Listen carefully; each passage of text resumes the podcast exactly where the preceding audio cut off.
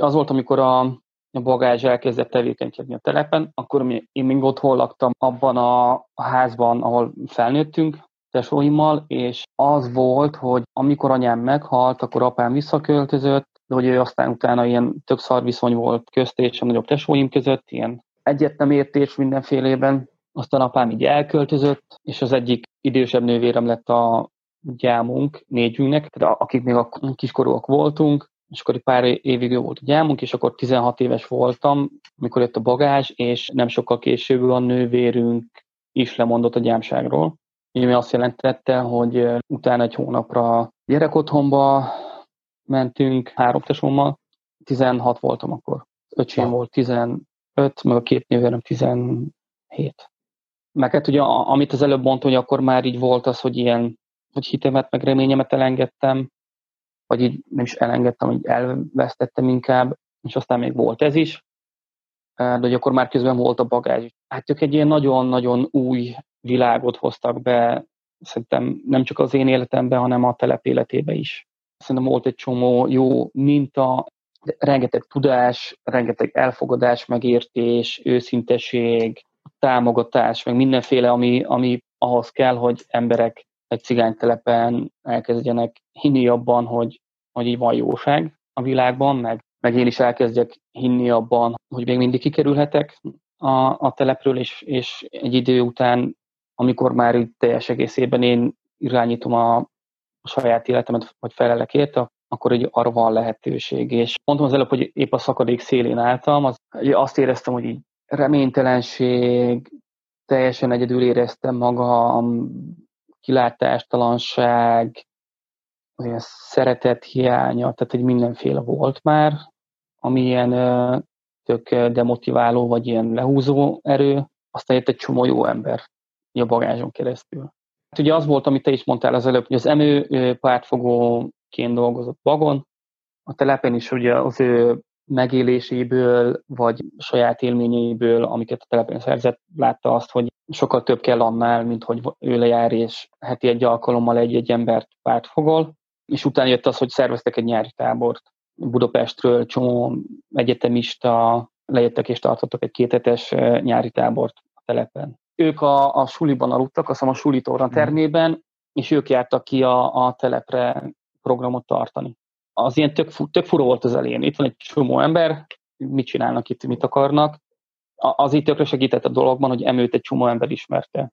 És volt egy elfogadás abban, hogy ők valami jó szándékkal vannak itt, nem, nem pedig épp felmérik a helyzetet, hogy épp mit csinálnak a cigányok, és éppen mi rosszat tesznek.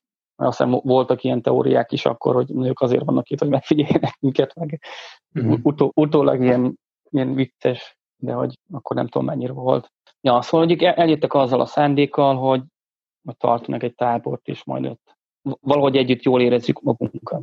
És akkor az volt, hogy ez a, az a tábor tök sikeres volt, aztán többen csatlakoztak emőnek ehhez a elgondolásához, hogy közösen csináljanak valami nagyobb dolgot, ami aztán nagyobb, meg jobb hatással van a telepiek életére, és aztán elindult mindenféle program a bagásban amikor még csak ez a nyári tábor volt, ugye akkor még nem volt bagázs, akkor csak résztvevőként voltunk ott a programokon. Emőnek egy-két pártfogoltja volt, aki, akit azt hiszem emő bevont a helyiek között, hogy segítsenek ott egy-egy folyamatban. De hogy utána 2011-ben alapították meg a bagást, és 2011. februárjában indult a legelső bagázsos mentorprogram, ahol már én is mentorként vettem részt. És miért csináltad? Mit adott neked ez?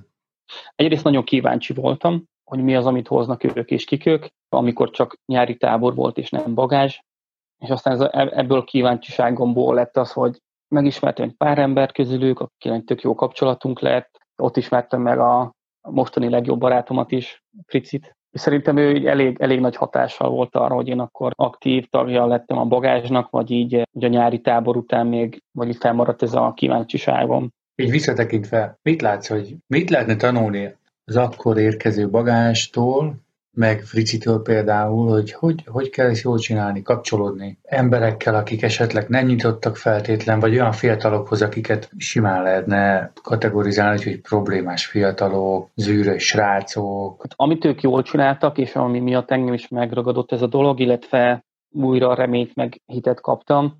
Az rengeteg elfogadás volt, megértés, nyitottság, szeretet, amit én akkor éreztem, és ami, ami engem is bemonzott. Ők valahogy úgy érkeztek a telepre, hogy kíváncsiak arra, hogy mi kik vagyunk, és mi az, ami fontos nekünk. Hm. És ez nem egy olyan fajta kíváncsiság, hogy most akkor megnézzük, hogy milyenek a cigányok, mert, mert hallottunk róluk dolgokat, és akkor az így lehet, hogy izgalmas, vagy megnézzük, hogy tényleg igaz-e. Hanem, hanem tényleg arra volt a kíváncsiak, hogy kik vagyunk mi úgy, úgy igazából, és hogy mi az, mi az, amire szükség van. Mert hogy az tök egyértelmű volt, hogy valamire tökre szükség van a telepen. Miből láttátok ezt, hogy, hogy tényleg rátok kíváncsiak? Szerintem telepen élő ember valahogy könnyebben veszi észre azt, hogyha valaki őszinte vele vagy sem. A kontextus számít, a párbeszéd fontos. Ennek a klipnek a kontextusát egy podcast epizód adja. Azt a beszélgetést a leírásban található linken éred el. Ha kíváncsi vagy hasonló tartalmakra, kövess minket a felületeinken. Ha támogatnád, hogy hasonló tartalmakat hozzunk létre, visszajelzéseddel vagy támogatásoddal járulhatsz hozzá ehhez. Ezekhez is találsz linket a leírásban. Köszönjük, hogy erre jártál!